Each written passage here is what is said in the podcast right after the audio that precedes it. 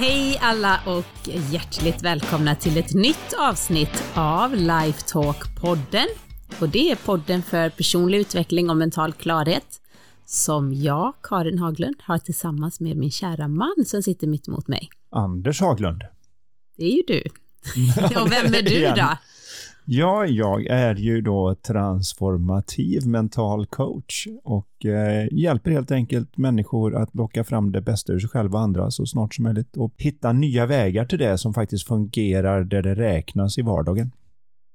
Vet du, jag skulle säga att du är alltså sådär världsklass bra på. Mm -hmm. det finns det ju en jättelång lista, Anders. Men jag tänkte säga en sak. Jag bara tänkt på att det är en eh, barntillåten show. Ja, ja. Så här är det. Du tar väldigt komplexa, svåra saker och förklarar dem så att folk förstår. Det kan mm. vara psykologiska begrepp, hur vi... Och så gör du det i någon, säg det i någon metafor, eller på ett så himla tydligt sätt så att aha, sitter folk och, och man förstår. Poletten trillar ner. Det är en väldigt sällsynt egenskap tror jag, att, att vara bra på det vet jag inte, det kanske är för att eh, jag är tvungen att göra så för att förstå själv. Så kan det vara, men du, du har en fallenhet för att liksom förklara det på så fantastiskt bra sätt. Ja, det är skönt. Då har vi satt ribban nu då när vi ska eh, ta och köra igång med den här podden. Och så att alla jag ska där försöka svara på frågor. exakt vad du menar. Nej. Det kommer bli så bra så. Vad är jag bra på då? Vad du är bra på? Du är väldigt, väldigt bra på att se saker och ting på vad jag tycker är ett väldigt oskyldigt och naivt sätt. Vilket då kanske låter som om det inte skulle vara så bra, men jag tycker att det är helt fantastiskt. För de flesta människor som har levt ett tag på planeten har en tendens att bli lite cyniska. Men det jag tycker du är så fantastisk på är att det spelar ingen roll vem du träffar och vart vi är någonstans så är du lika liksom sådär, oh, men ja, du tar det så nytt och fräscht och jag älskar ja, men det. det. Det gör jag nog. Sen är det ju det, om man kan vända mig så är det ju oftast att de bäst, sina bästa fördelar kan ju vara eh, en sämsta delar också. också. Ibland. Ja, men så jag är det ju. Allting ju... har ju två, allting har de där två sidorna. Ibland så brukar jag jämföra till exempel någon som är riktigt, riktigt passionerad. Det är ju underbart med någon som är riktigt passionerad.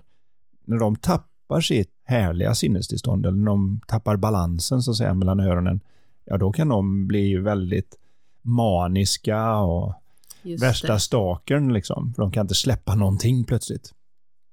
Det är väl samma sak med någon som är riktigt duktig ekonomiskt. När de tappar det så kan de bli lite dumsnåla liksom. Mm.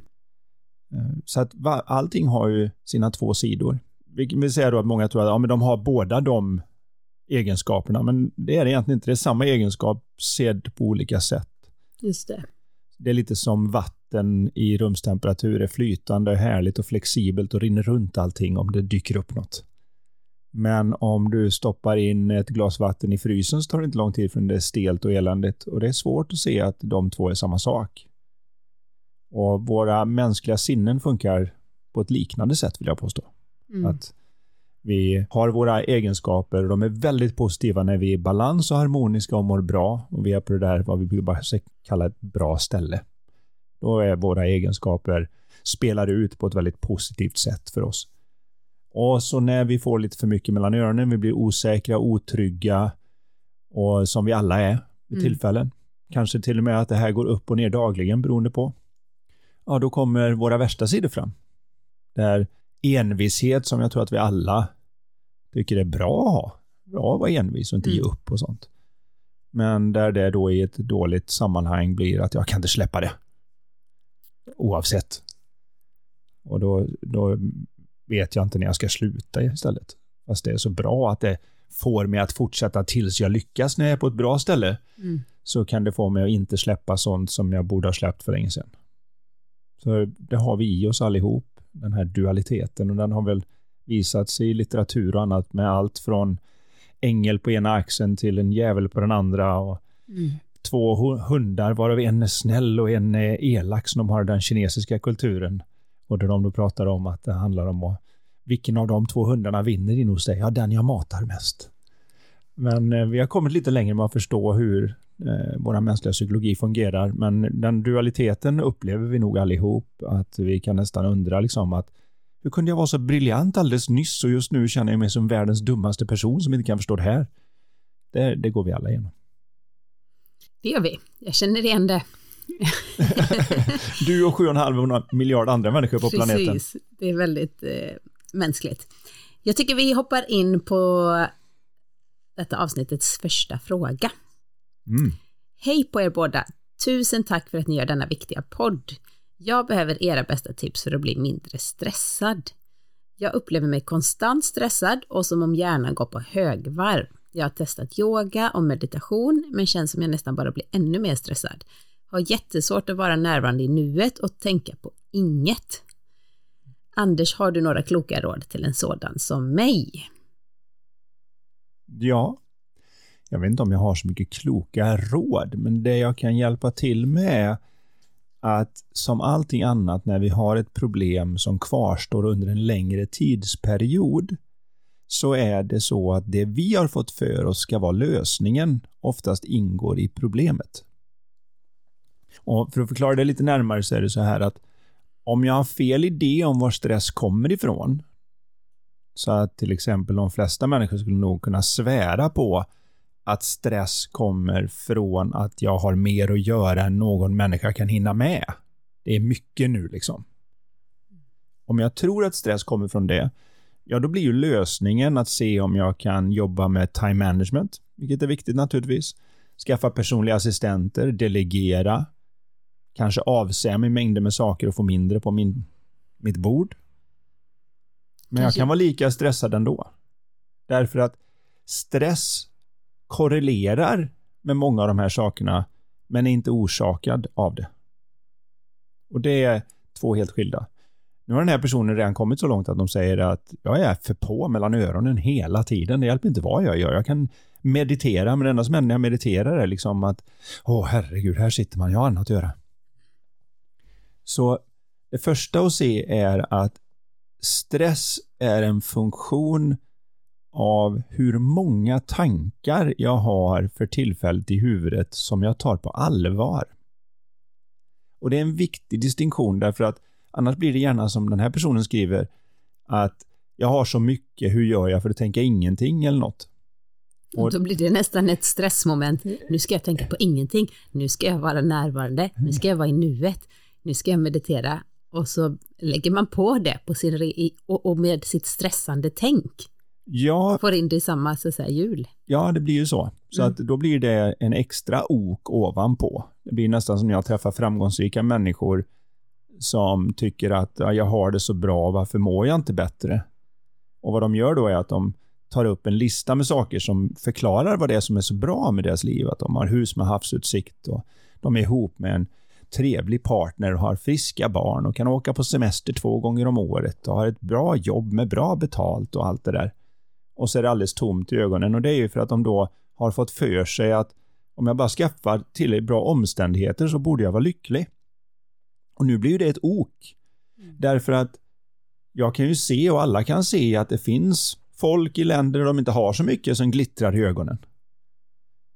Och så åker man upp på, jag vet inte, Stureplan eller någonstans, Östermalm, jag vet inte var man har allra mest pengar, Djursholm, någonstans. Och så kan man se många som går omkring där och är ganska tomma i ögonen. Fast de så att säga har allt. Och de får ju det extra oket nu att, ja men då är jag nog ett måndagsexemplar. Eftersom alla människor som har vad jag har borde ju vara tacksamma ända in i själen över hur fint livet är och vad jag har lyckats åstadkomma och jag känner ingenting så jag är uppenbarligen någon form av psykopat här. Och då får jag det tänket ovanpå det andra tänket som gör att jag blir lägre för att jag har det bra. Mm. Och samma sak kan det vara med stress om jag inte ser det att det handlar inte om att sluta tänka. Att inte ha de stressade tankarna. Utan det handlar om att ha ett annat förhållande till de tankarna.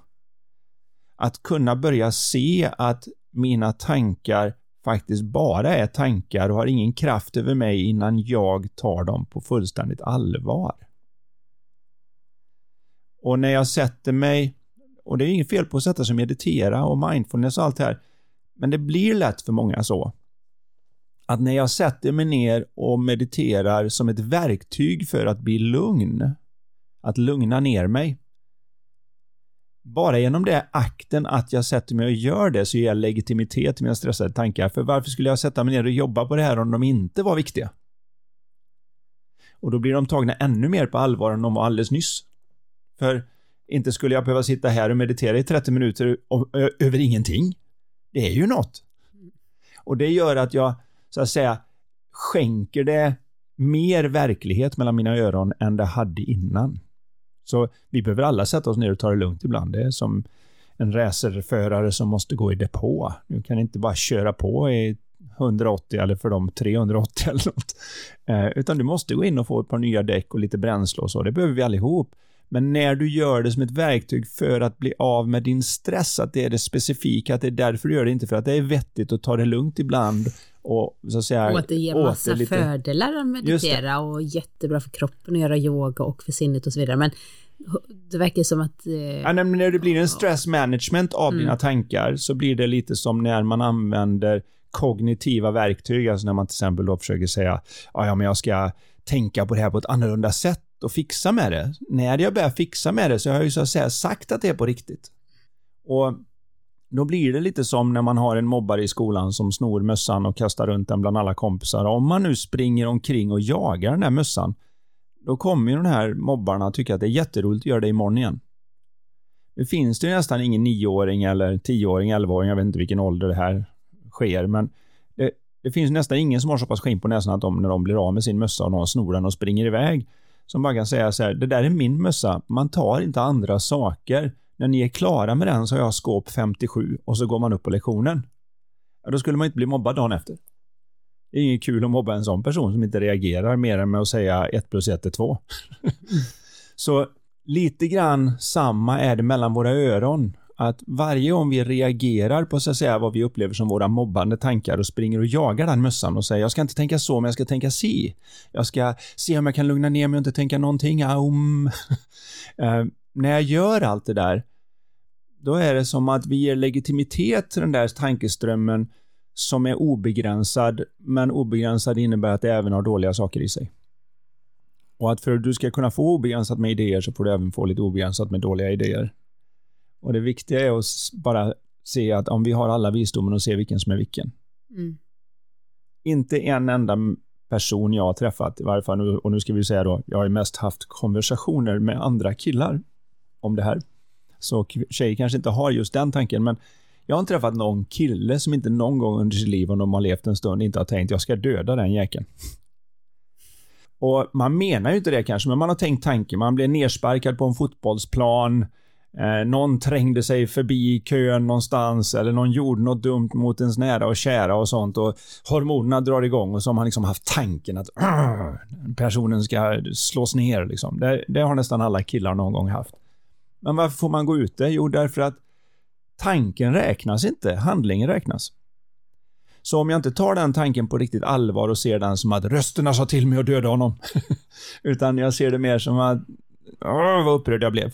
Och då kanske man tänker det. Jag är glad att ingen hörde mina tankar, för det mm. låter ju inget bra att jag tänkte så galet som jag gjorde. Och så inser man sen att, och jag menar det verkligen inte Nej, jag menar inte det, men i stunden känns det på ja, riktigt. Ja, i stundens hetta. I stundens hetta känns det så. Jag skulle vilja den här personen illa på något vis, fast man egentligen inte gör någonting med det. Och det är ju för att man inser att jag måste inte ta det, jag måste inte ta den tanken på allvar bara för att jag har tänkt den. Men det finns människor naturligtvis som är omedelbart utan någon som helst impulskontroll däremellan som får en knuff i ryggen ute i en bar någonstans, spiller lite öl på sig och där andra då skulle i varje fall vänt sig om och sagt vad gör du? Eller sett vad det är som har hänt. Det kanske var någon annan som blir knuffad i sin tur och det var bara en olyckshändelse. Mm. Men det finns vissa som inte har någon kontroll där och bara tar sin ölsejdel och trycker den rakt i ansiktet stenhårt på den som står bakom. Vad gör du din idiot liksom? Och då åker de i fängelse för misshandel. Därför att handlingen räknas. Men det är inte som att inte andra har haft tanken när sånt här händer. Och det är lite samma med stress nu då. Och den gemensamma faktorn för människor jag har träffat på som är på väg att bli utbrända eller har varit utbrända, vilket har hänt att jag har haft en del klienter. Den gemensamma där är att de har en tanke om att nästan var de än befinner sig så tänker de att de borde befinna sig någon annanstans som vore bättre för vad de ska åstadkomma. Och vad de än just nu gör så finns det något annat de borde göra. Som andra ord, det är någon annanstans jag borde vara och det är något annat, annat jag borde göra. Den eviga tanken som tas på allvar kan få vem som helst att bli extremt stressad. Jag borde inte stå här och städa nu, jag har viktigare saker att göra. Jag har inte tid att sitta här med barnen och leka, jag har ett mejl att svara på. Att den hela tiden går runt där och om man jagar den... Då är det ju jättesvårt att vara i nuet, tänker jag. För då är du ju aldrig nu, då är du i framtid, oftast då. Ja, man, man, ska väl komma ihåg, man ska komma ihåg det då att jag är aldrig i framtid och Nej, dåtid. Du är ju alltid Jag är alltid nuet, det går inte att komma ifrån den, men via våra tankar kan vi skapa en fullkomligt övertygande illusion om att vi är någon annanstans. Vilket då när jag tror, och det är så jag upplever det, min upplevelse är att det har hänt, då verkar det vara ett vettigt verktyg att säga, hur kommer jag tillbaka till nuet? Ja, det är jättesvårt att komma tillbaka till något jag aldrig har lämnat. Mm. Men hur kommer jag tillbaka och är närvarande här? Eh, det är jättesvårt att komma tillbaka till något du inte har lämnat. Jag bryr mig inte om hur mycket du sitter och tänker att du går och slår någon på stan så duger alibit att du var här. För du har inte lämnat hur mycket det än verkar verkligt. Samma sak när du ligger i en säng och drömmer där vi har avstängt många av de här funktionerna där vi inte skulle kunna göra något åt det, men då är naturen så smart så den gör att man blir förlamad medan man har REM-sömn. Så att ingen människa kan agera ut sina drömmar medan jag håller på och sorterar alla upplevelser och sånt jag har, så jag ligger liksom fast. Det är Därför många drömmer om att de försöker springa men fötterna är still. Och tänker att det betyder en massa om sitt liv. Nej, det är faktiskt bara så att du upplever fullständigt att du är ute och springer, men du känner ju att dina fötter inte rör på sig och du kan inte röra dem för du är förlamad. Det är för att du inte ska kunna springa iväg om, jag förmodar förr i tiden när vi bodde uppe i ett träd eller någonting, att du bara hade sprungit ut på en gren och trillat ner och dött hade ju varit kass liksom. Åh nej, vad hade han för dröm? Så därför ligger vi förlamade där i vårt lilla bo och kan inte göra oss illa medan vi drömmer allt det här. Men det är fullkomligt verkligt för oss. Mm. Så ja, drömmer vi någonting som stressar oss så gör ju binjurarna så. De skickar ut kortisol och alla möjliga stresshormoner som går igång. Och, men, så grejen är egentligen att det handlar om en lite djupare förståelse för att jag inte behöver ta det jag tänker på stort allvar. Och faktum är att ju starkare känsla du har i kroppen, ju mindre ska du ta det du tänker på allvar. Det är exakt samma som en smärtsignal rent fysiskt. Så när du får en stark smärtsignal så säger den ju bara att, ja, säg att du har trampat på något vasst. Den säger bara, ta bort vikten därifrån så det inte blir värre. Har du tagit något jättevarmt så kommer handen bara åka iväg därifrån och säga du, håll inte kvar den där för då kan det bli värre. På samma välmenande sätt fungerar vi psykologiskt så att när vi får en sån här riktigt känsla i kroppen så är det bara en smärtsignal som talar om att bort därifrån. Ta inte det på allvar någon längre nu, så det inte blir värre. och ofta så misstar vi den känslan för det där var ingen rök utan el, det måste vara något allvarligt, här måste jag dyka ner, det är jobbigt men det gäller att ta tag i det. Mm. Så vi lever inte i förnekelse när vi inte tar tag i det där, utan är det ett äkta problem så dyker det upp senare. Alltså, man kan säga att alla våra verkliga problem är de som är kvar när du slutar tänka på dem. Och i min erfarenhet är det inte många. Där de flesta problem har försvunnit när man har slutat tänka på dem. Och sen har vi vissa konsekvenser som bara är sånt som man behöver ta tag i. Men just de, så att säga, verkliga problemen har folk väldigt lite problem med. Det är ju bara liksom, gå ut med soporna och gör det, laga den där taket, mm. fixa den där grejen. Det är liksom verkliga problem. Ha en konversation med den här personen så att vi kan bli sams igen. Vad det nu än är för någonting, så är de verkliga problemen har folk lite, lite problem med. Men de här tankeskapade, imaginära. imaginära problemen som inte går att göra någonting åt hur mycket man än ligger och ältar dem tills man i stort sett är på sin dödsbädd. De har vi extrema problem med just därför att vi kan inte komma någonstans med dem. De bara växer och växer och växer. Ju mer, ju mer du tänker på dem och ju mer går varningskänslan upp och ju sämre mår vi och ju mer tycker vi att vi måste tänka på det och ju sämre mår vi och så blir det en självuppfyllande profetia där vi till slut då känner oss fullkomligt utmattade och energilösa och stressade och oroliga och inte kan inte tänka klart för vi ser och upplever världen omkring oss via våra tankar och är de tankarna ockuperade med annat så ser vi inte klart längre. Så det är just att börja se det här att det finns ingenting vi kan göra stressade och pressade som vi inte skulle gjort bättre om vi var lugna och harmoniska. Och för en person då som undrar vad gör man, gör man åt stress så är det där, det är inte så mycket att göra, men det är någonting att se om var kommer stress ifrån. Och den kan mm. du ta lite större och säga, var kommer min upplevelse av livet ifrån i detta ögonblick? Förstår jag var den kommer ifrån? Att den kommer till 100% till mig via mina tankar i ögonblicket. Problemet är att illusionen är så fantastisk så att om man tänker på ett gräl förra veckan och så får man en dålig känsla så känns det som att grälet förra veckan skjuter en dålig känsla genom tid och rum till mig. Och då är det klart att ska jag då bli av med känslan, ja, då, då måste jag ju åka bak i tiden och se till att det grälet inte hände. Då kan jag få vara okej. Okay. Men sanningen är ju att känslan kommer till dig i detta ögonblick från dina tankar om grälet förra veckan. Samma, samma med framtida händelser där jag tänker att åh, det här mötet på fredag, tänk fall det inte går bra. Tänk fall de inte gillar och tänk fall de säger nej nu eller bokar av och så blir det inte här och så är det corona och så, tänk fall det kommer fram någon muterat virus och man hinner tänka alla de här sakerna om hur det skulle kunna bli någonting i framtiden. Då känns ju det som att jag reagerar på en verklig framtida händelse som skjuter känslor från framtiden till mig genom tid och rum. Men det vet ju Einstein och alla möjliga att nej, det är inte möjligt, det går inte. Så vad som händer är att jag i detta ögonblick i realtid upplever och känner mina tankar om framtiden i detta nu. Och det, när jag förstår det, gör att jag får en möjlighet att se att, vänta här nu lite grann. Nu är jag superstressad här. Det är ingen idé att titta där ute, det är ingen idé att försöka fixa mina tankar. Jag får bara se om jag så gott som möjligt kan sluta kämpa med dem och visa att jag tänker inte bli mobbad av dem, den stressen. Jag, eh, vad var det jag skulle göra nu? Det var den här och så gör man det så gott man kan. Så gör man nästa så gott man kan, ett steg i taget. Mm. Och så upptäcker man att jag var lite mindre stressad idag. Och så dagen efter så upptäcker man, jag var lite mindre stressad idag igen. Och har man tur så kan man slå en sån här insikt där man bara liksom, wow, jag fattar grejen. Och så, och så Känner man sig som man är Buddha eller... Men det finns, det finns ju vissa saker som kan ändra sinnestillståndet ganska fort. Och då tänker jag på andning till exempel. Men inte om man tror att just det, jag är stressad, då måste man andas så här för att bli av med stresset. Absolut inte så, men det händer en eh, fysiskt. Alltså när man tar lugna, djupa andetag så är det ju lättare att, att säga, återfå sitt sin lilla klarhet. Inte som ett recept, utan som en bara faktiskt... Jag tycker, jag tycker det är väldigt bra. Plus en annan sak, att komma ut och röra på sig.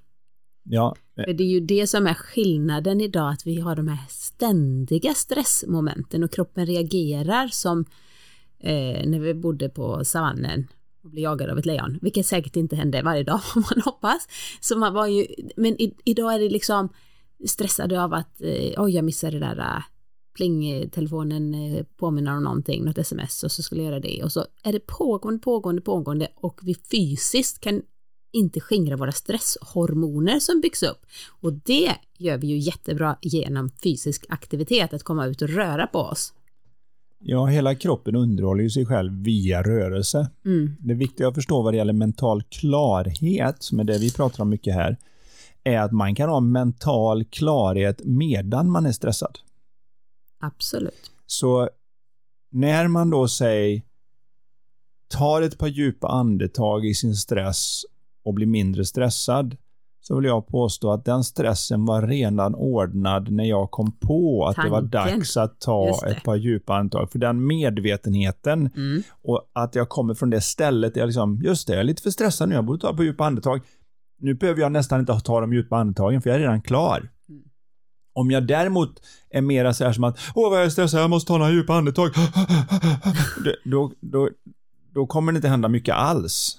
Så och det att, låter ju lite som den här personen kanske var i det tillståndet när den testade yoga och meditation. Ja, ah, det ska vara jättebra. Yoga, jag signar upp mig. Jag ska yoga. Okej. Okay. Och så kommer man dit med ett stressat sinne och det blir ju bara en sak till kanske på att göra-listan och som är då stressad. Man vet att åh, vad jag fungerar mycket bättre om jag är lugn. Nu måste jag gå och lugna ner mig och oj, oj, oj, oj, då får man ta den här timman. Men den har jag inte tid med. Eh, så att allting handlar om en högre förståelse för hur vi faktiskt fungerar. Mm. Och då gör man det som verkar vettigt för att det är vettigt som att gå ut och gå en promenad på lunchen istället för att bara springa vidare till nästa möte. Inte så mycket som en stresshantering utan mera som en så är det vettigt att göra när man är människa man här i livet. Och det är den mentala klarheten, att jag börjar se det. Alltså, så jag kan ha mental klarhet. Jag tror att alla någon gång har varit med om det till och med när man är riktigt arg. Mm. Och, och så mitt i sin ilska så får man mental klarhet och så ser man sig själv. Och nu skulle någon kunna säga ta ett par djupa andetag och räkna till tio så är du inte lika arg. Nej, det är redan över när jag ser det. Det har redan, det har redan påbörjat läkeprocessen och den mentala läkeprocessen den kan gå liksom pang, så är vi klara. Medan en verklig läkeprocess, det är ju liksom tvätta rent såret, sätt på ett plåster, låt det läka ihop. Efter en vecka har det börjat sitta ihop, så nu kan du kanske börja göra något med det. Mm. När det har gått någon månad så är det nästan helt läkt. Så, så där finns ju en process. Men många har gjort misstaget att flytta över den till det mentala planet. Självklart är det så att det känns verkligen som tiden läker alla sår, men det kan gå extremt fort där uppe eftersom det är imaginärt. Så det kan vara i ett, vad man kallar nästan som ett trollslag. Det är därför vi säger sådana här saker som det var droppen och det var strået som fick kamelens rygg att brytas eller att det, från och med det ögonblicket han kunna se likadant på den här personen. Det är ju för att vi faktiskt har den fantastiska hoppfulla möjligheten mentalt att bara pang, jag såg någonting jag inte såg förut. Var det över? Nej, men det kan inte gå så fort. Jo, det kan det där. Det kan inte gå så fort här ute i, så att säga, den eh, i den manifesterade fysiska världen går det inte så fort, men här inne i den imaginära världen, där poff. Så om man ska sammanfatta så är det allra viktigaste är ju den här förståelsen kring hur vår upplevelse av livet skapas. Och, och vad, vad stress, stress egentligen är. Precis. För de flesta... Sen kan man ju addera då i stunder av mental klarhet, tänker jag att alltså en hälsosam livsstil gör ju dig att allting funkar bättre. Alla stresspåslag, ja. alla hormoner och allting. Så det är ju en annan sorts balans. Sen de två båda är ju fantastiskt att ha tillsammans. Ja, det vill man ju. Men nu pratar vi mer om själva förståelsen. Men nu tycker jag vi pratat alldeles för mycket om stress. Alltså det gör vi, vi får lugna ner oss lite. Vi får lugna ner oss lite. Nej, men jag tycker vi går vidare på nästa fråga, annars hinner vi, typ, det blev ett stressavsnitt. Ja, okej. Okay. Eh, eller vad säger jag hade så mycket mer att säga om det. Ja, vad vill, du, vad vill du säga då? Nej, men jag vill gärna ta upp det här att det är så lätt att se det som att man träffar en viss person och ser dem som energitjuvar och att de på något vis skäl och stressar en. Som om de hade någon form av nästan som ett stressvirus på sig som smittar. Eller att en viss arbetsplats har stressvirus i sig så att det smittar. Och så kan man undra varför är det några där inne som är ganska lugna då? Varför är inte alla lika stressade? Vad kommer det sig? Och det är ju för att det där stressviruset är i tanken och inte i själva den fysiska världen. Så därför kan du skicka någon till Kebnekaise på ett oerhört lugnt ställe där man tycker det finns väl inga stressvirus här uppe. Här går man lugnt och stilla. Men det är alltid någon som är superstressad över vad de har att göra hemma och att det inte är någon täckning på telefonen. Jag hade bara ett mejl jag skulle svara. Jag skulle kunna slappna av här. Och när de drar loss med det... Vad ska det bli för väder imorgon? Tänk om det blir så. Ja, så att det gäller att se det att det ligger helt och hållet i att förstå sin egen mentala värld bättre. Och där finns det en enorm hävstång för att klara sig ur det. Och i alla de här beteendebitarna, där finns det lite grann att hämta, men det är inte där den riktiga hävstången ligger. Det är inte det som vi verkligen är ute efter. Så att, men jag, som sagt var, vi behöver mm. ta lite fler frågor, men eh, förstå där finns det mycket att e- säga. Förstå din egen mentala värld bättre. Med hjälp av Anders Haglund. oj, oj, oj. Nu oj, kör vad vi du kan sälja nu här nu. Nu kör vi late ja. night som bara liksom ja, det här, välkommen det här till två bli, på natten. Det här får bli en föreläsning. En digital föreläsning. Ja, ja. får vi kanske Förstå ta din helt... mentala värld. Ja, och öka din produktivitet samtidigt som din stress minskar. Tänk att det går att göra. De flesta tror ju att nej, stress är det pris jag betalar för att jag åstadkommer saker. Men eh, så funkar det faktiskt inte. Det går att lösa upp den knuten. Det ska vi, absolut. Så om ni har några andra frågor kring stress är det bara att skicka in dem på mm. lifetalkpodden.se. Nu tar vi en ny. Hej Anders och Karin, jag har följt er nya podd sedan ett tag tillbaka och har just lyssnat i de sista. Eh, tack för att ni skapat detta forum. Det är härligt och inspirerande att stoppa in er i öronen. ja, ta en promenad. Men det är trångt här inne, jag hittar inte ut igen. och få lite kloka ord och tankar med på vägen. Jag skulle vilja lyfta upp en fråga kring sekundär barnlöshet. Vi har i flera år kämpat och kämpar fortfarande för att försöka få ett syskon till vår underbara lilla tjej. Vi är på slutsträckan för ett sista IVF-försök, men därefter kommer vi att göra ett definitivt stopp av flera skäl. Mm. Min fråga handlar om hur man kan hantera den känslan av sorg jag har kring detta. Logiskt så vet jag att jag borde vara tacksam för vad jag har, och så inom parentes vilket jag verkligen är, men emotionellt kan jag inte förlika mig vid tanken på att vår lilla familj kanske bara blir tre och att vi inte ska kunna ge vår dotter det syskon hon så många gånger frågar efter. Eller att eventuella barnbarn inte ska kunna få några kusiner på vår sida. Såklart kan många saker hända på vägen, men jag har så svårt att släppa dessa tankar som grusar sig i huvudet. Det är så konstigt att stå inför någonting som vi så lite kan påverka. I det mesta i övrigt i livet har jag ju kunnat kämpa lite till för att uppnå det jag vill ha. Tacksam om ni vill och kan ta upp detta, denna frågan i podden. Ja. Och det är nog säkert många som kan känna igen sig ja, det är klart att i det är. den här. Och det är ju en eh, tuff fråga. Jag menar, det här är ju på ett sätt det djupaste vi har i livet. eh, Varför Mm. vi är här. Eh, bara i sin absoluta basform så handlar ju det om att se till att vi blir fler eller att det kommer fler människor. Om det är en bra eller dålig, det vet jag inte, men det är ju faktiskt så att det är någonting som ligger väldigt djupt i våran själ. Och vi har väl alla hört det här med att koncentrera dig på det du kan kontrollera och låt bli det där du inte kan kontrollera. Men det är ju lättare sagt än gjort när man väl står där i. Om man har det här.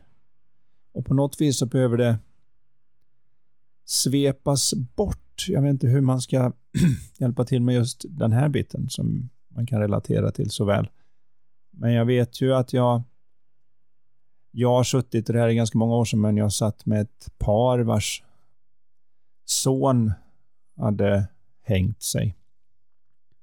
De hade redan haft två barn, eh, men sonen vid 17 års ålder hade utan att Mm. lämna någon lapp hängt sig i vardagsrummet. Och de kom ner på morgonen, tror det är en vanlig morgon.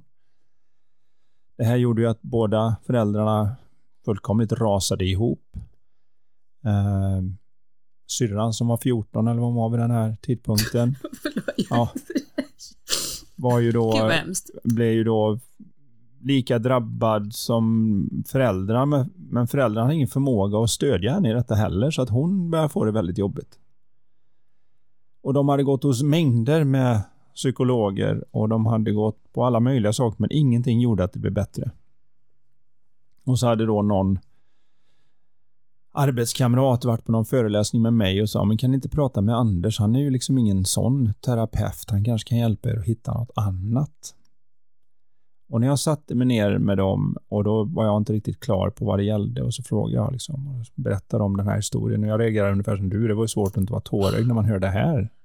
Nu pratar vi barn som redan har, är ute men då inte blir av, om vi säger Mm. så, där det finns en hel framtid där man kan tänka sig och så vidare. Och vad jag såg hos dem ganska snabbt, det var det att de hade fastnat och varför det inte spelar någon roll. För i deras värld var det så här. Om du inte kan trolla tillbaka våran son, varför pratar vi ens? Med andra ord, alla problem vi har i livet, alla våra dåliga känslor, alla våra dåliga reaktioner i familjen, att problemet om vi inte orkar med vår dotter, allt, allt har att göra med det här. Och den enda lösning vi överhuvudtaget kan se är att någon trollar tillbaka honom från de döda och, och han kommer leende in genom dörren och säger det var bara ett skämt. För mig var det jättetydligt, så jag var tvungen att ta den elefanten i rummet när vi satt där, så jag tittade på dem och sa det. Jag kan inte få er son tillbaka. Och då tittade de på mig och sa, nej det förstår vi ju. Så väntade en liten stund och tittade på dem igen och sa, jag kan inte få er son tillbaka. Och nu tittar de på mig ungefär som, har vi valt en senil coach? Eller vad? Han, sa ju det alldeles nyss. Han sa, jo, jo, vi, vi hörde det, det, vi förstår att det, det går inte. Så jag väntade en liten stund till och så sa jag, jag kan inte få er son tillbaka. Och nu bröt de båda två ihop och grät. Och det var just därför att det är ju den enda lösningen de kunde se. Varför ska vi ens prata om du inte kan trolla tillbaka honom? Det är ju ingen mening med det. Varför? Och många tror jag som hamnar i ofrivillig barnlöshet, sekundär barnlöshet, vad det nu än är vi pratar om, så är det lite grann som att varför har vi ens en diskussion om du inte kan trolla hit våran unge? Den där framtida lilla bundle of joyen som vi har föreställt oss och som ska vara syskon och allt det där. Om vi inte kan få det, varför pratar vi ens? Jag skiter väl i dina böcker och dina råd och vad du säger. Det finns en lösning här. Och det som var så fantastiskt fint i den här diskussionen jag hade med dem var ju det att när vi väl hade svept den stora elefanten i rummet ut ur det, då kunde vi ha en diskussion om hur kan ni hedra hans liv? Snarare än att sörja hans död. Hur kan ni använda det här för att skapa mer livsglädje och omhuldrande omvårdnad och kärlek för era dotter? Hur kan ni använda det här för någonting som pressar er tillsammans snarare än att driver er isär? Man kan ju se hela folkslag som har råkat ut för det här, men ta det, eh, ta det som du i viss mån är drabbad av när, när eh, Hitler började utrota judar och annat. Där, där, där så att säga, alla judar gick tillsammans mm. och gjorde någonting av det där, där det var liksom, vart du än åker i världen, om du, om du är med i gänget så att säga, så kom in. Vi bjuder på den mat vi har. Du sover på den bänk vi har tillgänglig. Vi, vi tar hand om varandra. Så man tog det fruktansvärda och gjorde någonting med det. Det innebär inte att man förlåter eller säger att det är okej okay eller något, men man hur klyschigt den låter, man gör det bästa av något fruktansvärt. Det är någonting som vi är väldigt duktiga på som människor när man råkar ut för saker. Tsunamis, Estonia, eh, 9-11, där man ser hur, i varje fall ett tag efter de här händelserna, så glömmer man av de här löjliga grejerna man bråkar om och använder det för att hitta no de här gemensamma beröringspunkterna i vår mänsklighet. Och det här är vad vi går igenom. Vi vill gärna hitta på att vi har kontakt med en speciell skapare och att vi ska kunna förutsäga vad som ska hända så vi slipper att dåliga saker händer. Men det hjälper inte. Alltså, dåliga saker händer. Saker som inte vi vill råkar vi ut för hur mycket vi än önskar att det skulle vara något annat. Och mycket av det handlar om att kunna på något vis säga, det här kan jag inte göra någonting åt, men jag kan ändå använda det på något sätt för att göra så gott jag kan med det. Mm. Som människa, och det är det enda jag kan göra med det. Och det finns någonting i det som är något helt annat än att ge upp, utan det är mer att jag ger upp på mina hjälplösa tankar, inte att jag ger upp och göra saker. Det är två skilda saker om det är någonting som jag har lärt mig via att förstå det här så är det det att när jag väl går fel mellan öronen, precis som alla andra människor på planeten, så har jag upptäckt att hur rättfärdigad jag än i mitt eget huvud är över att det här är inte rätt och varför säger de så och varför gör de det och det är orättvist och varför ska jag gå igenom det här eller vad det nu än är för någonting. Jag är lika upprörd som alltid, men jag har lärt mig att ge upp på den tankegången snabbare. Jag har lärt mig ge upp på det. Och skulle du sagt det till mig som idrottare, Europamästare och allt det där som vinnarskall och allt vad man har kallats. Om du skulle sagt det, ge upp lite tidigare, så här, ja, hela jag hade bara brusat upp liksom. Men du är inte klok? Vad det ge upp? Man ger inte upp. Jag är ingen... Det här är orättvisa. Jag, I'm not a quitter, jag... liksom. Det här får man ta tag i och göra någonting åt. Ja, men mellan öronen så är det faktiskt så att allting du försöker kämpa med där uppe är lite som att skuggboxas. Vad du än hittar på så har din egen fantasi är som din skugga. Den kan, ditt, den kan dina knep. Mm. Du kan inte överlista dig själv. Så mycket handlar om att se det här. Alltså, för jag vet att det förmodligen är något här som är, jag vill gärna ha tips och råd på hur jag kommer över det och så vidare. Jag vet inte säkert att man gör det, men man kan ha, man kan använda det på något, någon form och se att det här är ytterst mänskligt. Jag hade en annan, och här, nu har jag tagit ett väldigt allvarligt exempel. Det här kom kanske lite lättare, men jag kommer ihåg jag pratade med en kvinna som som var väldigt sådär att ah, jag är 48 år nu, om jag börjar den här utbildningen då jag kommer vara klar, jag kommer ju vara 54-55 år innan jag ens kan göra det här. Och, och tänk ifall det inte går och tänk ifall det är och hon hade väldigt mycket tankar om saker hon satte upp som mål om hon skulle klara av dem eller inte klara av dem. Jag kommer ihåg hennes chock när jag tittade på henne och sa att så vad du egentligen försöker säga nu när du har hållit på här i 45 minuter och förklarat varför ingen kan hjälpa dig med det här, det är att en del saker man vill ska hända, händer inte.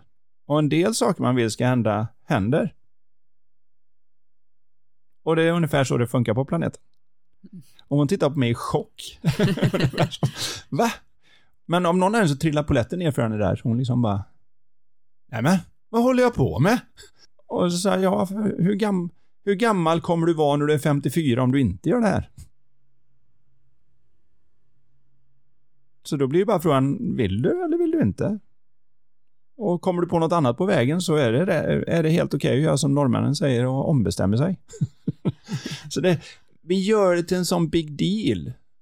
Är du med? Vi, vi gör det lite större än vad det kanske behöver vara.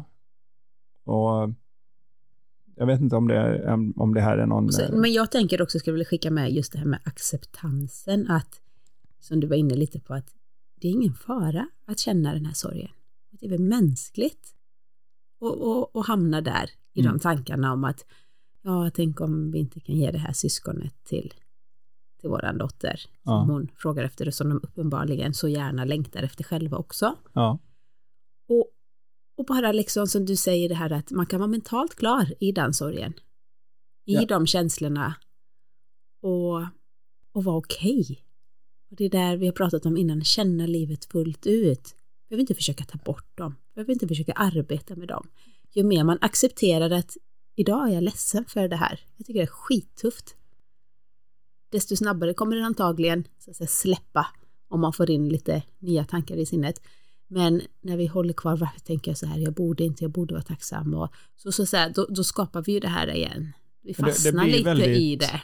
Det blir väldigt grumligt uppe i vårt sinne därför mm. att vi lägger tanke på tanke. Mm. Och då är vi ganska snabbt inne i det här med exponentialitet. Att en lagd på en annan som läggs på en annan som läggs på en annan och till slut så är det så mycket så att det, det känns som det finns ingen väg ut. Va? Man kan knappt se handen framför sig. Och det gäller att se att nej, men det är en annan väg. Och jag vill lägga till här lite grann också att acceptans i sig, även om jag förstår precis vad du menar, mm. har ju det problemet att om jag ska acceptera någonting, det enda jag behöver acceptera överhuvudtaget i mitt liv, det är saker som jag har bestämt inte är bra. Vilket innebär att acceptans i stort sett är att innerst inne tycker jag inte det här är bra, men nu ska jag lura mig själv att det är okej. Okay. Och vad acceptans, vad jag vill istället säga är att när vi hamnar i förståelse så behövs inte acceptans. Det är lite grann som med tålamod. Mm. Endast ett upprört sinne behöver tålamod. Så när jag är irriterad, frustrerad och annat, då känns det som att nej, nu får ungarna ta på sig jackan eller nu måste den här personen ringa eller nu måste det här hända och nu får rödljuset bli grönt och då kan jag behöva liksom, då känns det, för ett upprört sinne känns tålamod som en vettig lösning. Att du, jag måste ha mer tålamod. Just då, från ett mentalt, ett, när det är mentalt klarhet, då kan du kolla på barnen som håller på liksom, man kollar på klockan, kollar på barnen, får inte på sig kläderna och vara liksom, man kan ju fortfarande, man behöver inte acceptera att nej. att man blir försenad. Nej, man kan fortfarande tycka att det här var mm. inte bra. Vi... Men man är liksom, okej, okay, ja. Så saker ett upp, händer. upprört sinne tycker att det behöver tålamod och ett lugnt sinne väntar. Just det. Eller gör vad som behövs för att vi ska komma in. Så det kan vara så att man fortfarande tycker att, nej, vet du vad, nu tar jag både dig och jackan och bär ut er i bilen och så får du ta på dig jackan i bilen, för vi hinner inte stå här. Mm. Men när jag är när jag är på ett bra ställe när jag gör det, så gör jag det ganska mjukt. Jag gör det ganska kärleksfullt och omtänksamt. Och jag blir inte sur när barnet råkar sparka till mig i sitt sprattlande över att de inte vill vara med om det här. Men när jag är frustrerad, irriterad och behöver tålamod, ja, då tar jag upp dem lite för hårt. Sätter dem i stolen lite för hårt. Och om de råkar sparka till mig så blir det en reaktion som, så det gör man inte. Så det är en enorm skillnad på, beroende på var jag kommer ifrån, in i det här. Det jag försöker säga. Så att acceptans är som tålamod. Endast ett sinne som tycker att det här är för jävligt tycker att acceptans verkar vara en vettig idé. Medan ett lugnt sinne börjar se det där att ja, men det här är det bästa jag kan göra med det här. Det innebär inte att jag bara står där och tycker, ja, då får vi vara sena då. Nej, det är det inte. Samma sak som kärleksfullhet är det enda som är riktigt orubbligt. Eh, många tror liksom att eh, ett exempel som jag tror jag tagit förut någon gång på podden är just det här att säga att man står och lagar mat. Det är bara två kvällar sedan det hände igen. Där våran lilla fick för sig att hon skulle hämta glass i frysen när det var sju minuter kvar på riset, tror jag det var, vi hade den kvällen. Och då ska jag bara tillägga här då som hälsocoach att det var sådana chokladglassar som jag och hon hade gjort med kokosgrädde Just och det, rå det ska vi, det ska vi Så det var inte några sådana här... Det var liksom inte GB-glass liggande i frysen. Nej, men, det har vi inte. Nej, så det var bra ingredienser. Men ä- även så, fast det är så bra vi inte ingredienser, att hon skulle äta det så innan. sa jag ju till henne det att nej, du går inte att plocka det i frysen. Det är sju minuter kvar på riset, så vi äter om en liten stund. Och då tyckte hon ju att jag, hon hade lärt sig lite bättre verktyg. Innan har hon ju alltid sagt liksom, du är dum i hela världen. Du kommer ju säga det är det hårdaste hon hade, men nu har hon ju lärt sig av storebrorsorna, så nu sa hon, du är dum i huvudet. eh, och då sa jag det att, nej men det spelar ingen roll, liksom, du, du hämtar inte den. Och då plockar hon fram en ändå. Lyssnar inte på vad man säger. Men jag var på ett väldigt bra ställe, så jag gick bara fram och sa, tog den mjukt ur hennes hand. Ryckte inte ur den alltså, utan tog den mjukt ur hennes hand. Nej, det är ingen glass. Vi lägger tillbaka den där den ska vara och så stänger vi dörren. Och så lyckades det då till slut att då väntade och så sa du kan gärna få lite vatten om du känner det. Ofta kan det vara att man är törstig istället för att man är hungrig när man är sugen. Så, där. så fick hon lite vatten och så gick hon iväg och sen åt vi själva måltiden senare då. Grejen är nu det att när jag kommer från ett kärleksfullt ställe, då är jag orubblig där. Det finns ingenting hon kan göra. Hon kan sparka mig på smalbenen, kalla mig dum i huvudet, slå med frysdörren, vad det nu än är som ungar kan för sig när de- har fått inne i huvudet, att den viktigaste tanken som finns i hela världen är att jag får glass. Jag kan inte leva utan den här glassen. Men när jag är på ett bra ställe så kan jag inte flyttas. Och många tror att det är tvärtom, att ah, man ska vara så här kärleksfull, då vänder man ju bara andra kinden till och så Han blir man en säger, "Åh, dörrmatta. Ja, jag och- tar det, Ja, men ta en liten då. glass Ja, då. Ja, ja. Ja, lite så. Men faktum är att medan jag är lugn i det läget så är jag orubblig. Jag behöver inte tålamod, jag behöver inte några av de här verktygen, utan det är bara ett plus ett är två. Det blir ingen glass innan maten, vi ska äta snart. Om man däremot blir upprörd och frustrerad och sånt, då kan det till slut sluta med att man säger men om du vill ha en glass så himla mycket så ta en då. Och då finns det ingen glädje i glassen överhuvudtaget. Och det liksom blir bara fel. Så Mm. att oftast är det faktiskt att när man är ur balans, man är rubblig. Det finns ju inget sånt ord, men om det finns ett orubblig så borde det finnas ett rubblig. kan man tycka. Men ja, jag vill bara säga det, att det är lite där jag vill in med tålamod, acceptans och kärleksfullhet. Att när vi hamnar i ett kärleksfullt ställe till oss själva och ser vår egen mänsklighet och lite, inte försöker hitta tacksamhet, utan faktiskt tittar på det och säger nej, det är inte alls vad jag vill, men ibland så händer inte det jag vill. Eh, Men när det inte gör det, då, då får jag fortsätta göra det bästa av det från där jag är. Liksom. Mm. Så att, eh, ja, det är den, det svar jag har på den eh, Vi känner ju igen oss lite också eftersom vi, det tog ju några år innan vi fick vårt första barn. Ja. Så det var ett, en tuff resa så jag kan absolut eh, Ja, vi, vi, det är väldigt nära hjärtat eh, där. Och, så att jag förstår precis hela grejen, liksom, hur lång tid det var och sådär. Och Mm. hur mycket man går igenom i den processen. Och sen så när man väl, eh, i vår fall så fick vi nästan mer än vad vi önskade oss när vi fick tre till slut. Och om, ett, om ett är ett och ett plus ett är elva så är ett plus ett plus ett är att- 111. Att från två till tre, att hoppsan, ja ja, ett, ett tredje barn, det, det fixar vi liksom. Det är ju det är redan kaos med två. Men det blev liksom två plus ett är, jag vet inte, 14. 21 åtminstone. Ja, eller Ja. något. Ja, nej, så, att, Ja, så men är vi det går vidare Vi går vidare från nästa detta. fråga. Så vi hinner en fråga till tänker jag. Hej, jag undrar rätt och slätt hur man kan bibehålla en god självkänsla. Trots att man gör saker, gör och säger tokiga saker ibland, eller blir missförstånd, eller när någon klagar på ens prestation på jobbet. Jag vill ju helst vara bäst i världen och som lärare behöver man vara allt för alla hela tiden. Om jag har en dålig dag eller ens en minut av mindre mental klarhet så får jag samtal från föräldrar som tycker något om mig, min lektion eller prestation. Jag är en mästare på att hjälpa alla barn nå målen i skolan och min skicklighet är till stor del tack vare mitt fokus på eleverna som person och dess utveckling snarare än vad eleverna ska lära sig. Funkar man som människa och mår bra så funkar oftast lärandet också. Det har jag sett gång på gång.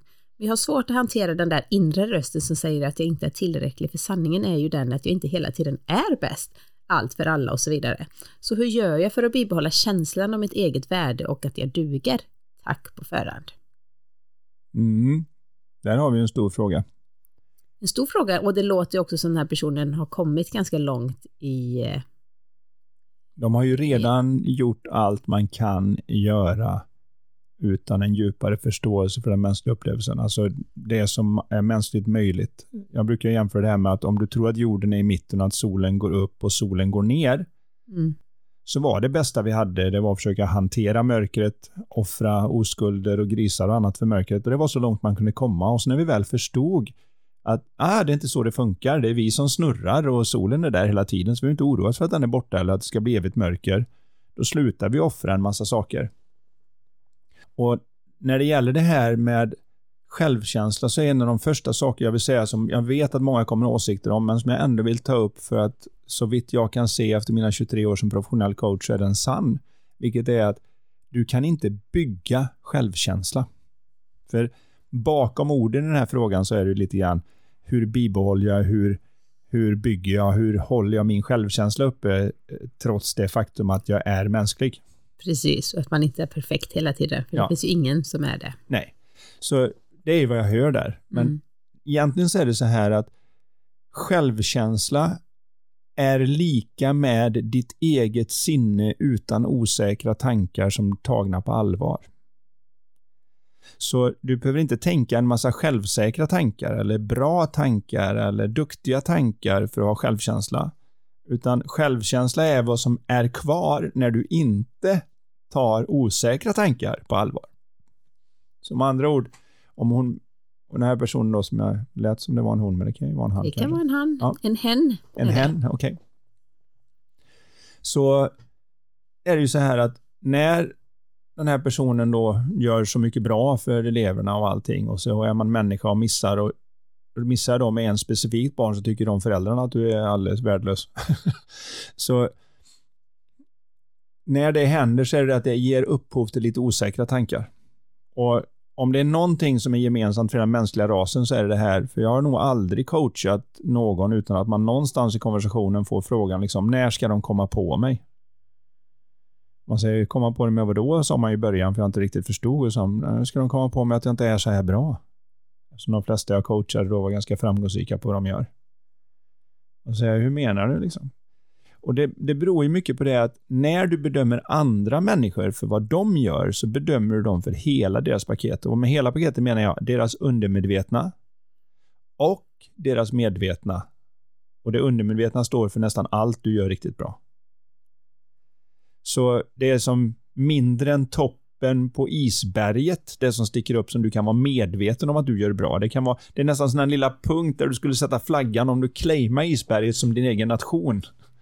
Den lilla punkten där uppe, det är ditt ego, ditt medvetna om det här är jag bra på, det här kan jag, det är jag medveten om att jag kan.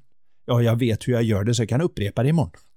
Snarare än liksom, jag gjorde så här idag, men jag gjorde så här idag igen, men då funkar det inte.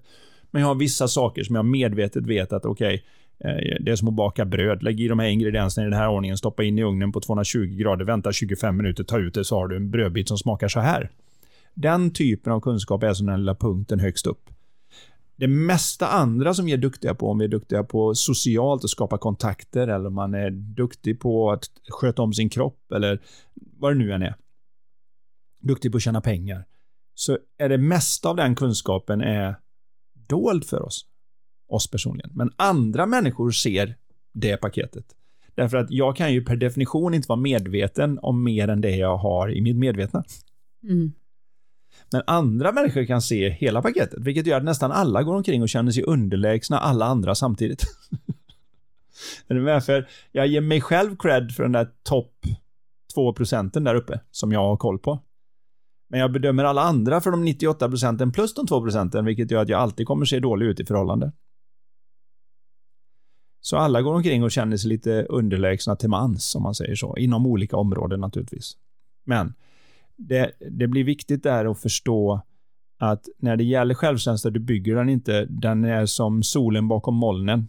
Och de molnen är i den här metaforen mina osäkra tankar. Och när jag inte har de osäkra tankarna i vägen, då är det fullt blås i självkänslan. Och det slår mig inte ens att självkänsla är en viktig del av mig. Eh, för det är ju det som är hög självkänsla, det är ju att jag liksom inte tänker på den. Den, den är när den inte är. Det är väldigt sällan någon med hög självkänsla går och, tänk, går och tänker att de har hög självkänsla. Mm. Utan det bara upplevs så för alla andra. Liksom. Att oj, vad de tog den kritiken bara som hoppsan hoppsan, ja, det hade du rätt i ena delen, det ska jag jobba på, men den andra håller jag inte riktigt med om. De verkar liksom ha integritet och den förmågan. Så det är ett av de stora svaren i det här är att det är ingenting jag jobbar med, ingenting jag bygger, utan det är någonting som är inbyggt i livskraften bakom livet. Annars skulle jag inte våga göra någonting. Det är därför barn inte behöver jobba på det, utan de ställer sig upp och ramlar ner, gråter en stund och så försöker de igen. Och det är ju självkänsla, just den här att jag mår bra över mig själv och vågar försöka igen eller bara ser det som självklart att försöka igen tills jag klarar det. Eh, utan att egentligen ha kompetensen från början. Det är ju vad självkänsla är. Självförtroende handlar ju mer om det som man då pratar om att det här vet jag att jag är duktig på. Jag är bra på matematik. Jag har självförtroende om jag får ett matteprov. Eh, självkänsla är ju mera hela paketet. Så, så har definitionen varit när man läser de flesta böcker i varje fall. Så att det är så jag delar upp den. Men den är, inte, den är inte byggbar, den är inte skapandebar, utan den är avteckningsbar. Den ligger alltid där bakom, 24 timmar om dygnet, i samma stund som man inte har alla de där tvivlen eller tar dem på allvar så... Eller lyssnar på den inre rösten. Det står ju här att jag har svårt att hantera den där inre rösten. Ja. Den behöver inte hanteras. Nej. Den kan du bara notera. Ja, man, man, kan i stort sett se den som en, en av de där, som en byfåne, du vet, som bara står och skriker någonstans i stan. Du vet, bara så här. Jo, men du vet lite grann sådär. Som, Va? Nej men säg att det finns, det finns alltid, på alla ställen så har man någon som är lite annorlunda. Vi hade en någon som gick omkring med gum, gummistövlar ja, ja. Eh, året runt och var sådär och kunde gå fram och lugga någon i håret ja, eller bara skrika. Ja, just det. Det finns Gud, ju några stycken. Gud vad rädd jag var för henne. Men det finns ju några sådana här vet, som alla känner till just och om det. de nu skriker ut liksom “Världen går under!” så skulle du liksom bara Ja, Okej, okay, tack för din input och så går du vidare och handlar. Mm. För du skulle inte ta det på allvar alls. Jag, jag vill påstå att vi har en variant på det inne i våra egna huvuden. Där vi har en del av oss som liksom bara skriker ut ”Du suger!” och, och det känns som att ah, men, oh, det kommer hjälp!” Men nej, det där känner du på känslan att ge det ingen cred. Det där är liksom... Det, där, kraft, det, är den där, det är den där som inte riktigt har alla får i hagen, som man brukar säga. Eller inte, alla, inte det ljusaste ljuset i tårtan. Det finns ju många saker som vi säger på det här som säkert inte är politiskt korrekt. Men alla vet vad vi pratar om när någon är på stan Eh, och vi vet att de, har, de är inte riktigt hemma. Ljuset är på, men det är ingen hemma. Alla mm. de här uttrycken vi har. När de ropar ut saker så är det inte som vi tänker, där kom sanningen. Utan vi tänker, oj, oj, oj, nu är de riktigt ute och cyklar. Det gäller att få den typen av förhållande till det som skriker i våra sinnen. För kom ihåg det att din egen visdom skriker aldrig. Din mentala klarhet skriker aldrig. Den viskar. Den är som den där lugna rösten. Du vet, den här medarbetaren på kontoret när alla bara ja, det här kommer aldrig att gå. Så finns det någon som säger ja, ja, men jag har ett förslag. Alltså, den, den, den, den är inte den som tar mest utrymme. Den är liksom inte Donald Trump, utan den, det är den som viskar lite. Och det är så svårt att lära sig just det här att lyssna inte på den där som står och skriker i ditt mentala hörne. Lyssna på den som viskar Då bakom. hör man inte den som viskar. Nej, det gör inte viskar. Om man lyssnar på den inre negativa rösten så att ja. säga, så hör du inte den där andra som bara... Nej, för den skriker mm. högre och högre och får han lite uppmärksamhet så vill han berätta hela sin livshistoria. så så det, det, det är viktigt just att man ignorerar den och lyssnar på viskningen bakom och där bor visdomen i den som säger det är okej, okay, det kommer ordna sig. Det går att ha ett fantastiskt liv om vi får ett barn till och det går att ha ett fantastiskt liv om vi inte får det. Eller i det här fallet då att man, med den här självkänslan som är där. Att, när, man hade en dålig dag. Ja, jag presterar inte på topp som lärare. Välkommen till den mänskliga rasen. Precis, välkommen. Så, jag kommer ihåg en sak du sa till mig i början. Du är perfekt. Tänkte jag, åh oh, wow. Och så kom nästa, i din imperfektion. Jaha, ja, tänkte jag. Men alltså den är så bra. Den har faktiskt jag haft med mig sedan dess. Som en sån där. Ja. Det är just det som är perfekt. Att vi är mänskliga varelser, alltså vi är perfekta i vår imperfektion. När vi kan landa i det, och det är just det som är... Det är bara när man är osäker som man försöker få upp den där perfekta imagen om den som aldrig gör fel. Och både som förälder, lärare eller bara en god vän så gör man nog alla en otjänst om man projicera den här perfekta ytan, att man ska vara så perfekt, för då växer de upp och tror att det är så man ska vara. Om man istället, både som lärare och föräldrar, att det är liksom Wow, det där blir inte helt rätt och så visar man hur man hanterar det. Förlåt, det där gick inte jättebra. Mm. Det där kan inte jag, jag har ingen aning om. Ska vi gå och ta reda på det tillsammans? När man tar den vägen in i det så blir det inte en sån press på den här om vi ska säga vad jag hör i detta, och jag hör ju bortom hen då till den duktiga flickan-syndromet som vi kallar det, där man ska försöka vara mer än vad man är istället för att se att du är alldeles underbar som du är. Och ju lugnare du är i den, ju bättre blir du på att hantera när det inte gick riktigt rätt. Då blir man lättare att ta den där diskussionen med föräldrar som kanske var missnöjda och då kan man bara säga det mer som ett plus ett blir två. Att, mm ja, nej, det kan, det kan jag hålla med om att där blir det inte helt rätt, men jag jobbar på det hela tiden på att se om det är det, men där där, där får jag, jag, var, jag, var, jag var inte på bästa humör den dagen och jag vet inte om du kan känna igen det där kan man säga, men det var jag inte. Men jag, jag jobbar på det och komma in här, ge mitt allt för barnen varje dag. Jag lyckas inte med det jämt, men du ska veta att intentionen finns där. Och när man tar upp den och lägger upp den på bordet så vill jag påstå att man aldrig varit mer super än när man visar den mänskligheten, än när man försöker ta fram sitt super och sen faller stenhårt vid minsta lilla miss. Mm. Mm. Här sitter jag. Säg någonting. Jag blir alldeles tagen. Det var så bra. Det kanske kan vara ett bra ställe att avsluta ja, podden vi avslutar, den här gången. Ja, och då sitter jag här med det här kortet som jag tog fram innan. Så jag har redan, du har redan tagit andan ur mig, men så här lyder frågan. Nämn tre saker som tar andan ur dig. Mm. Det är väldigt härligt. Bra ställe att fundera på. Ta med dig detta. Tre mm. saker som tar andan ur dig. Från vårt Lifetalk-spel. Yes. Och du som nu sitter med har ju ändå en hel del frågor jag vill höra Anders och Karin svara på. Mm. Passa på, skicka in dina frågor enkelt på lifetalkpodden.se eller på sociala medier till mig på Karins gröna värld. Ja, var vi klara där för idag? Ja, det är Och vi. två veckor nästa gång. Ja. Nämen. Men det går fort. Ska vi behöva börja göra det här varje vecka för att ha säkert? Så kan det vara. Det kan Vad säger framtiden? Ju bättre ni är på att dela, sprida podden, ja då kanske, kanske, kanske det blir oftare att vi kan göra det. Mm. Kom ihåg det. Härligt. Tack för att ni har lyssnat. Ha Tack för en den här gången. härlig stund. Ja, och trevlig helg.